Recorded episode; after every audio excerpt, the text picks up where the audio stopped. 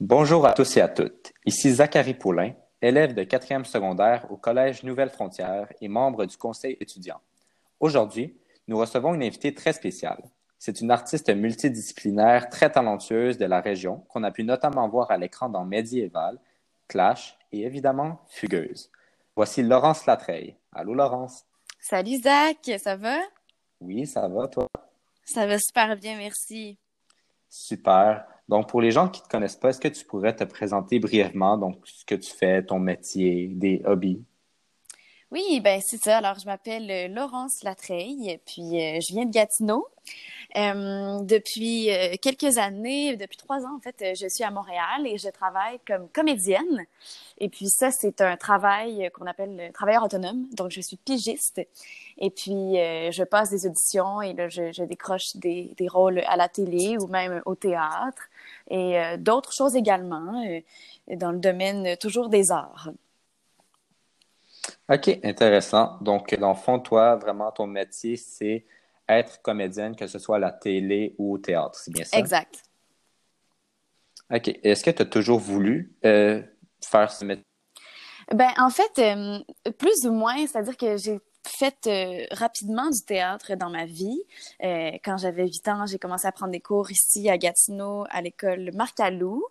Euh, qui, c'est ça, je sais pas encore. Je, je, doute que ça existe encore, mais je suis pas sûre, pas sûre. Hmm, ouais, je sais pas. faudra ouais, faudra aller vérifier. Euh, puis à ce moment-là, quand j'ai commencé mes cours, c'était vraiment pour me sortir de ma timidité parce que j'étais vraiment timide et très peureuse comme enfant. Mais euh, ça m'a permis de, de m'exprimer. Puis j'ai rapidement aussi développé une identité autour de, de ça, le fait de faire du théâtre. Fait que là, j'ai commencé à faire de l'artichaut ici en Outaouais. J'en ai fait toute mon adolescence. Puis c'était plus une passion que, qu'une réelle carrière possible. Euh, moi, je voulais étudier en psychologie pour devenir psychologue. Euh, mais c'est plus tard, en fait, quand j'étais à l'université, que j'ai, que j'ai décidé que j'allais pousser vers l'avant pour que ça devienne une, carrière. OK. Fait que dans le fond, toi, euh, tu as été à l'université directement après le secondaire, c'est bien ça? Oui, exact. OK. Et tu as étudié en quoi? J'ai étudié, en fait, c'est ça. Je me suis inscrite à l'université en psychologie à l'Université d'Ottawa. Et puis, euh, comme c'était justement à la sortie du secondaire, c'était un bac de quatre ans. Donc, euh, j'ai fait ma première année en psychologie. Et puis là, en même temps que moi, je faisais ma première année, il y avait toutes mes amies qui étaient encore à l'artichaut, qui, eux, allaient graduer, puis qui allaient euh, rentrer au cégep l'année d'après. Puis tout le monde s'en allait en théâtre musical moi, j'étais la seule qui était pas, poursuivi là-dedans. Puis euh, ça, me, rendait un peu triste. Alors, euh, j'ai décidé de commencer à faire des cours de théâtre à l'université parce qu'il y, a un, département de théâtre. Puis, euh, de fil en aiguille, les cours de théâtre à l'université sont devenus une double majeure. Fait que j'ai fait théâtre et psychologie. OK. Fait que finalement, tu pas fait un bac, tu as fait une double majeure en psychologie et en théâtre, c'est ça? Oui, c'est ça. C'est une double majeure dans un bac spécialisé. Fait que c'est juste le, le, nombre de crédits qui est différent, mais ouais. OK, OK. Et c'est tout ça, euh, ces études-là qui t'ont amené à Montréal. Donc, tu t'es installé à Montréal après ça. Et c'était quoi tes buts à Montréal? Est-ce que tu voulais poursuivre tes études en psychologie ou c'était vraiment plus axé sur le théâtre? Oui, ben en fait, c'est ça. Quand j'ai gradué de l'université, mon but était de rentrer dans une école de théâtre à Montréal, comme par exemple l'École nationale de théâtre ou le conservatoire. Alors, euh, j'ai commencé à, à m'installer, mais c'était graduel. Je, je, prenais le train chaque semaine. Je, je faisais trois jours à Montréal, trois jours ici. Puis euh, je faisais des cours à Montréal de ballet, de théâtre, de chant. Puis euh, ben, en même temps, c'est ça, je, je, passais des auditions de temps en temps pour des séries.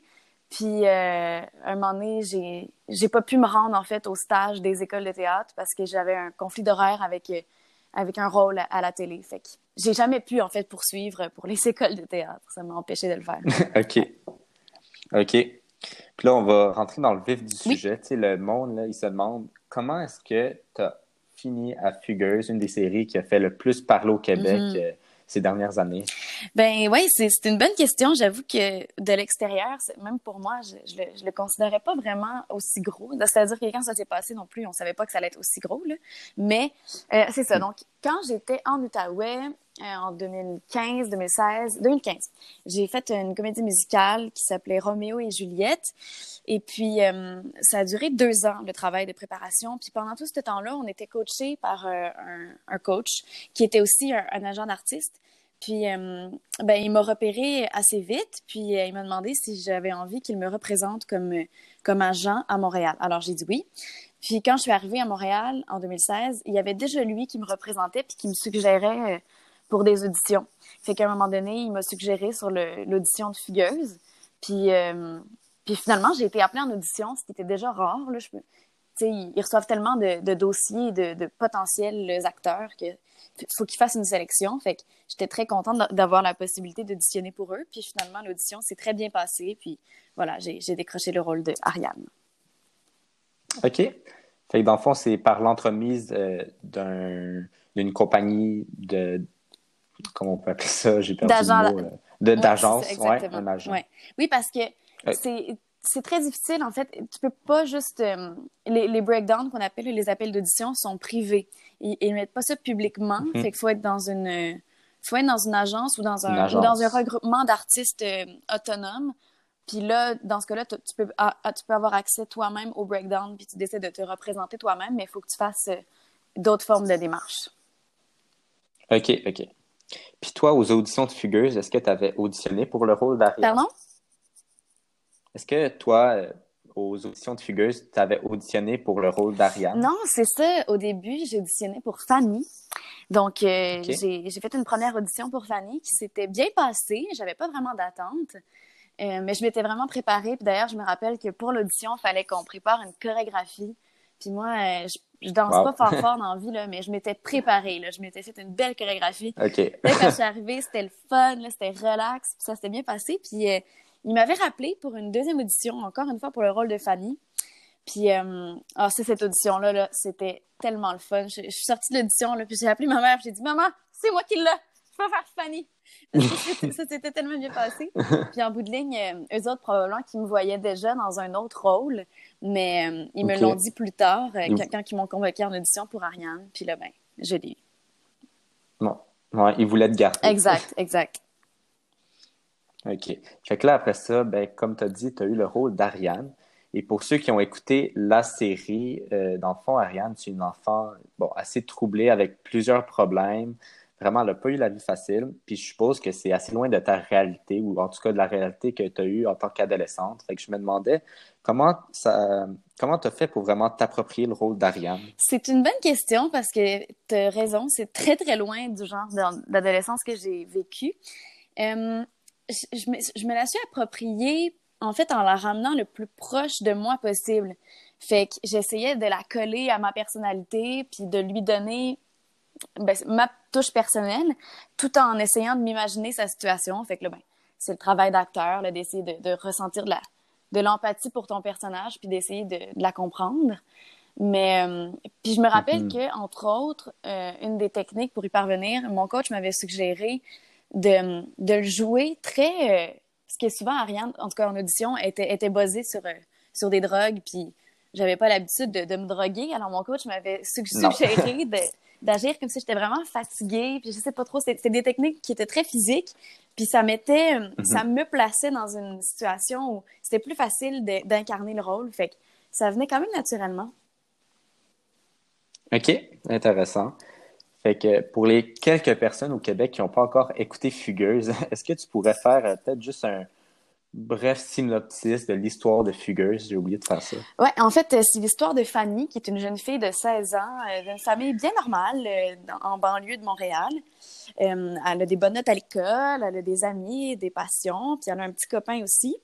Et puis, ses parents sont assez stricts, par exemple, puis entre autres, ils lui refusent un voyage avec ses amis à New York. Puis, en même temps, elle, elle fait rencontre d'un gars qui s'appelle Damien, qui est rappeur, puis qui, euh, qui lui dit qu'il aimerait ça euh, qu'elle vienne danser dans son clip euh, qui va tourner à Miami. Puis elle, elle tombe en amour avec lui, puis finalement on se rend compte que le gars il est un peu croche, puis il décide, il l'entraîne insidieusement dans l'univers de la prostitution puis du trafic humain. OK. Donc, dans le fond, le rôle d'Ariane, le rôle que tu avais, c'était la meilleure amie de Fanny. Exact. Et on se demandait aussi, parce qu'on s'entend qu'Ariane en a vécu aussi beaucoup d'affaires dans la... C'est quoi la scène qui été le plus difficile à jouer pour toi? Euh, ben, la plus difficile, je trouve que... Euh, écoute, la plus tough. Ben, c'est sûr que au niveau euh, de, de, difficile physique, là, je pense que c'était la scène de ma mort parce qu'il faisait juste vraiment, vraiment froid ce soir-là. Puis, euh, mhm. j'étais pas habillée pour avoir froid, là. J'avais pas de manteau. Fait que je me rappelle juste que c'était difficile mentalement pour ça. Mais en termes de jeu, c'était surtout les scènes où j'étais plus. Euh, où j'étais sous l'influence de drogue parce que c'est de mettre son corps en état un peu euh, déréglé puis d'être un peu euh, éclectique. Puis des fois, c'était, je sais pas, j'essayais des affaires puis c'était juste difficile d'être focus, mais c'était le fun. Ouais c'est sûr, c'est difficile d'avoir l'air pas tout là quand t'es là. Ben, c'est ça. Puis, de ne pas, de, pas se juger pour pas avoir l'air niaiseux, mais on s'en fout, c'est ça le rôle. Non, c'est ça. Mais ouais, c'était tout un OK. C'est ça. Euh, puis, c'est sûr que Figures, comme euh, je t'ai dit, ça a vraiment eu un impact immense sur euh, ben, la société québécoise, l'ensemble de la société québécoise. Je me demandais, toi, comment tu as vécu ça, l'impact de Figures, parce que ça a vraiment fait un gros boom quand ça a sorti. Puis je suppose que, comme tu as dit, tu t'en, attendais vraiment pas. Non, ben c'est ça. C'est sûr qu'au départ, quand on a tourné la série, on s'était fait avertir que ça touchait des cordes sensibles, puis que ça allait être assez rough. Fait que pour ça, on était quand même préparés. Puis, juste avant que la série sorte, on a eu une rencontre avec toute l'équipe qui nous préparait un peu pour la gestion des réseaux sociaux, puis sur la gestion des gens qui pourraient euh, venir euh, faire appel à nous si on a des problèmes, tu sais, puis nous demander de toujours les, mhm. les renvoyer à des ressources qui sont professionnelles, pas nous. Fait que tout de suite, on, est, on a été avertis, puis quand la série a sorti, c'est vrai que ça a fait un, un gros, gros boom, mais beaucoup plus qu'on s'attendait. Puis là, on a remarqué que c'était c'était plus qu'une série, c'était devenu un outil social, tellement que il y a un organisme qui ont créé un, guide d'outils pour les travailleurs sociaux à partir des épisodes de Fugueuse. Fait dans le livre, il y a vraiment, genre, c'est divisé par épisode, puis là, tu vois les, les, étapes, mettons, du recrutement ou les, les signaux d'alarme, les red flags, les techniques pour aider, tout ça à partir des directement des scènes. Fait que de voir à quel point cette, cette, série-là est un outil, ça l'a comme augmenté euh, la visée sociale. Puis pour nous, ça l'a vraiment fait sentir comme si c'était quelque chose de, très important puis de très utile. Fait que, euh, ouais, ouais, c'était vraiment gros. Là. Je te dirais que l'année que c'est sorti, c'était, on, flottait tout un peu. on n'était tout pas sûr de ce qui se passait. C'était tellement énorme dans nos vies. Ouais, c'est sûr, c'est, c'est vraiment comme irréel comment que la série a influencé la jeunesse québécoise, honnêtement tu, sais, tu disais que les travailleurs sociaux planifiaient des plans basés sur les épisodes, puis pour que, exemple, qu'il y ait des jeunes qui se confient à eux euh, en ayant regardé la mm-hmm. série puissent euh, ben, les appauler d'une bonne façon. Est-ce qu'il y a des gens, que ce soit des filles ou des garçons, peu importe, qui se sont témoignés, ben, qui ont témoigné euh, à toi, en fond? Oui, c'est arrivé à quelques reprises que je recevais des messages sur Instagram ou sur Facebook de gens qui me disaient j'ai vécu ça, euh, merci pour votre série, ça m'a vraiment fait du bien. Il y a aussi des gens qui disaient euh, qu'ils avaient besoin d'aide, puis pour ça, évidemment, je les, je les renvoyais toujours aux ressources euh, suggérées. Mm-hmm. Je sais que le Divine, évidemment, en a reçu beaucoup plus que moi, mais elle, c'était quand même assez fréquent. Mais ce qui est spécial aussi, c'est que c'est arrivé récemment, j'étais dans le métro, puis il y a une fille qui est venue me voir, puis était, était comme en panique, mais elle était comme contente, puis là, genre, en tout cas, m'expliquer qu'elle, elle avait vraiment vécu tout ce qui est arrivé à mon personnage, puis son frère était décédé d'une overdose. Mm. C'était vraiment triste. Fait que ce genre de témoignage-là en personne, c'était encore plus, euh, encore plus intense. Ouais. Est-ce que tu trouves des fois, comment dire, un peu lourd? Parce que ton personnage euh, a vraiment vécu beaucoup d'affaires, mais c'est pas toi, en fait, c'est juste un rôle. Puis le fait qu'il y a des gens qui se confient sur des affaires tellement troublantes. Euh, à toi, est-ce que des fois ça devient un peu lourd puis difficile? Ouais, ben, c'est pas que c'est lourd autant que je me sens juste pas des fois en mesure de les aider. Mais j'ai beaucoup de compassion, puis ça me touche vraiment qu'ils m'en parlent. Mais des fois, je sais pas mhm. quoi leur dire parce que justement, c'est tellement énorme que j'ai envie comme de les serrer dans mes bras ou de leur, de leur de les aider à passer au travers, mais j'ai l'impression que j'ai pas les mots, j'ai pas les j'ai pas le vécu pour les appuyer. Fait que je me sens toujours un peu démunie là, quand ça m'arrive. Mais j'espère qu'ils qui vont pouvoir trouver les ressources. Ou peut-être que juste de me dire comment ils se sentent, ça leur fait du bien. Fait que je vais le prendre comme ça. Ouais, c'est sûr. Euh, aussi, si on met Fugueuse de côté, tu as joué euh, aussi dans Medieval et Clash. Comment ça s'est passé? Est-ce que c'était un peu euh, similaire dans le processus d'agence, de casting ou c'était différent? Oui, ben c'est toujours la même chose. Fait que, en fait, Medieval, c'est arrivé pas en même temps que Fugueuse, je te dirais. Dans la même année, dans le, dans le, même été, en fait. Et puis, OK. donc, c'est ça, tu, reçois toujours un breakdown d'audition, puis pour, cette, pour euh, Médiéval, les auditions étaient à Ottawa parce que la série est tournée dans la région. Fait que euh, j'étais venue d'ici ici, puis, euh, puis c'est ici également que, qu'on a tourné la série. Puis Clash, c'était même principe, mais à Montréal. OK. Puis là, petite question plutôt crunchy. entre ces trois séries-là, c'est laquelle qui t'a apporté la meilleure expérience de tournage en général? La plus belle expérience, j'ai pas, j'ai manqué ton mot, c'est ça que tu as dit? Ouais, la plus belle expérience. Euh, ben, c'était vraiment des, des, expériences différentes, je te dirais. C'est sûr que Fugueuse, c'était particulier parce que c'était comme mon premier gros plateau, puis que ça va, ça va avoir été marquant à jamais. Euh, Médiéval, c'était tellement proche de moi aussi. On a formé une belle famille, on a tourné ensemble pendant presque trois ans. Fait que c'était plus comme.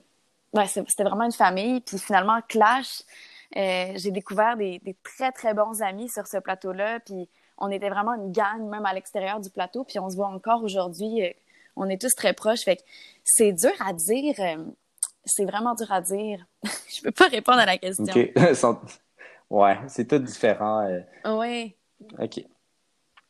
Euh, à part Fugueuse, là, ben là, je sais qu'il n'y aura probablement pas de saison 3 pour Fugueuse et que tu as eu bon, quelques apparitions dans la saison 2, mais pas un rôle euh, assez euh, présent, mettons, dans la mm-hmm. saison, sans dévoiler de punch. mais est-ce que tu as des projets futurs à dévoiler, que tu pourrais dévoiler? C'est sûr que là, avec toute la pandémie de COVID-19, c'est un peu plus difficile. Mais, Oui, tu as, bien raison.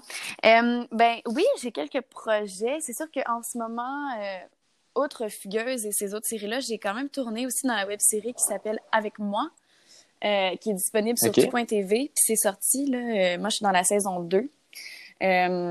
donc, c'est accessible en ce moment. Puis sinon, je continue à tourner dans le téléroman Une autre histoire. Je fais, je fais le rôle de Marina Orsini, mais quand elle est jeune. Fait que, en tout cas, c'est dur à expliquer, là. Mais donc, oui, ça, c'est. On était supposé continuer à tourner cet été. Fait que là, je sais pas ce qui va se passer avec ça. C'est sûr que c'est chamboulé. Hmm. Ouais. Euh, puis. Ouais, c'est vraiment une période euh, ah, difficile pour tout le monde. C'est vraiment compliqué. C'est vraiment compliqué, là. Je m'inquiète un petit peu. Puis c'est sûr qu'avant le confinement, je passais quand même quelques auditions pour des séries sur lesquelles j'ai pas eu de nouvelles parce que tout est mis hmm. sur pause. Mais je peux quand même dire que. Euh, euh, en septembre dernier, j'ai tourné une série qui va s'appeler Citoyen 2.0.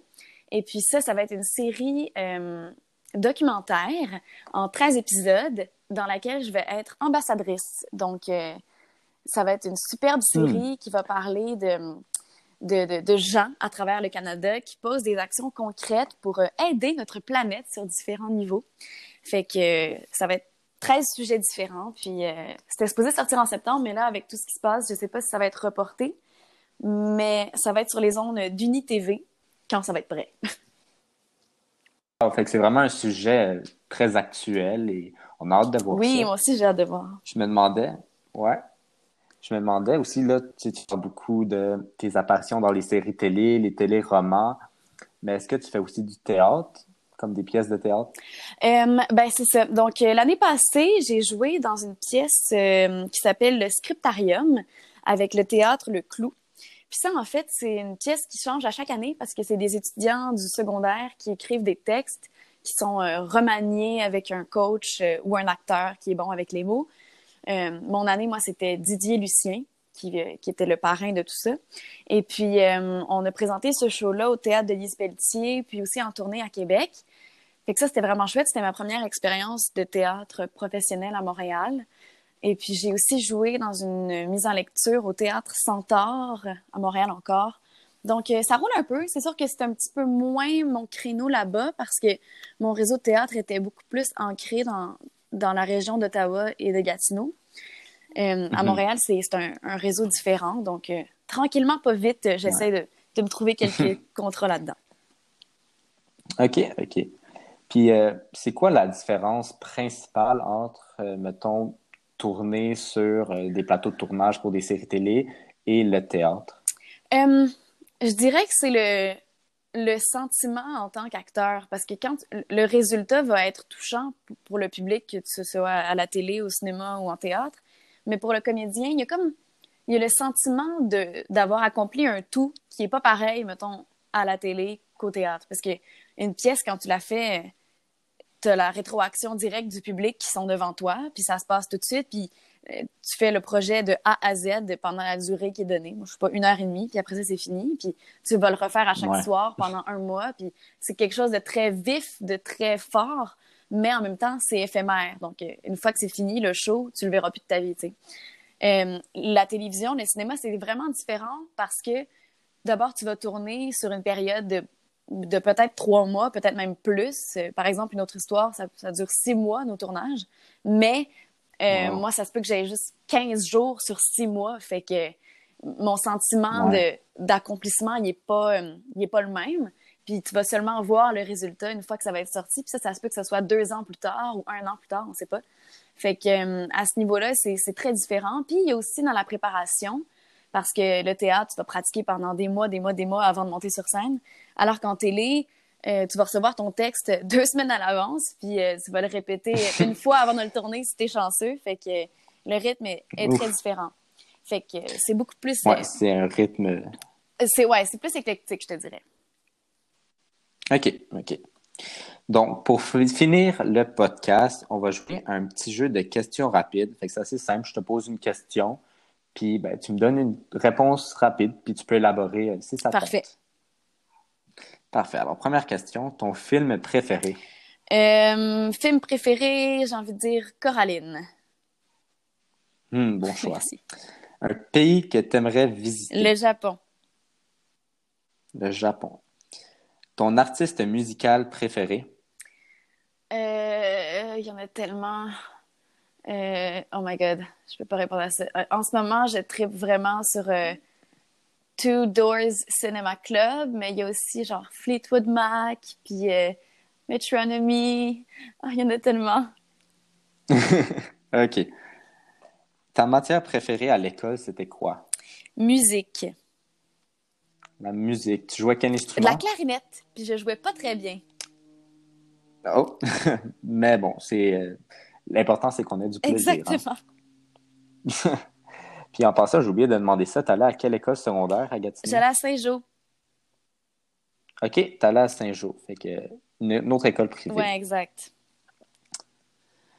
Une langue que tu aimerais apprendre?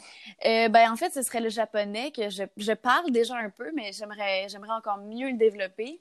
Puis sinon, ce serait peut-être euh, le coréen. OK, fait que vraiment les langues asiatiques. Là, Ça, te me parle? beaucoup, oui. OK. Ta série télé du moment. Euh, qu'est-ce que j'ai terminé récemment, là? Euh, voyons. Oh my God. Hey, je sais pas. Ben, j'essaie de commencer euh, Casa de Papel. OK, très bon choix. Merci. Et pour finir, ton livre préféré? Euh, Harry Potter, c'est trop un classique. Ah ouais, vraiment un classique. Est-ce que tu as un tome en particulier que tu Je préfères? pense que ce serait le premier puis le quatrième. OK, Ouais. parfait. Ben, pour terminer, est-ce que tu aurais quelque chose à dire aux ados qui nous écoutent présentement et qui seraient intéressés eux aussi à soit devenir comédien ou acteur? Ben oui, en fait, si ça vous tente, euh, n'hésitez pas à le faire le plus souvent possible dès que vous avez l'occasion. Fait que ce soit des cours près de chez vous, euh, des pièces de théâtre entre amis, l'équipe d'impro, tant que vous développez euh, cette passion-là, c'est ce qui va vous servir le plus. OK, parfait. Merci Laurence d'avoir accepté notre invitation. C'est vraiment Ça me apprécié. fait plaisir, c'est bien le fun. C'est Ah, tout. cool! Parfait. ouais, ben, c'est à cause que dans le fond, on a comme deux euh, genres d'entrevues par podcast. Ça. Ah, ok, je comprends. Je pense que la mienne va être la première. Ok, c'est pour ça que comme euh, à la semaine prochaine, tu sais. ben oui, je comprends. Puis ça va être diffusé quand? Euh, ben, c'est à chaque jeudi. Mais là, ce jeudi, il y a déjà une capsule prévue. OK. Fait que ça va être soit la semaine prochaine ou dans deux semaines. Je pense que c'est la semaine prochaine. Et euh, comme j'ai dit, ça c'est diffusé sur ben, l'application Anchor, mais aussi sur Spotify et euh, l'application euh, podcast de Apple. Parfait. Je vais, je vais écouter ça avec plaisir. Parfait. Ben, je t'enverrai le lien quand tout ça, ça va sortir. Cool, c'est gentil. Parfait. Merci beaucoup hein, pour l'invitation. C'est vraiment très Ah, ben, apprécié. ça fait plaisir. C'est fin à toi.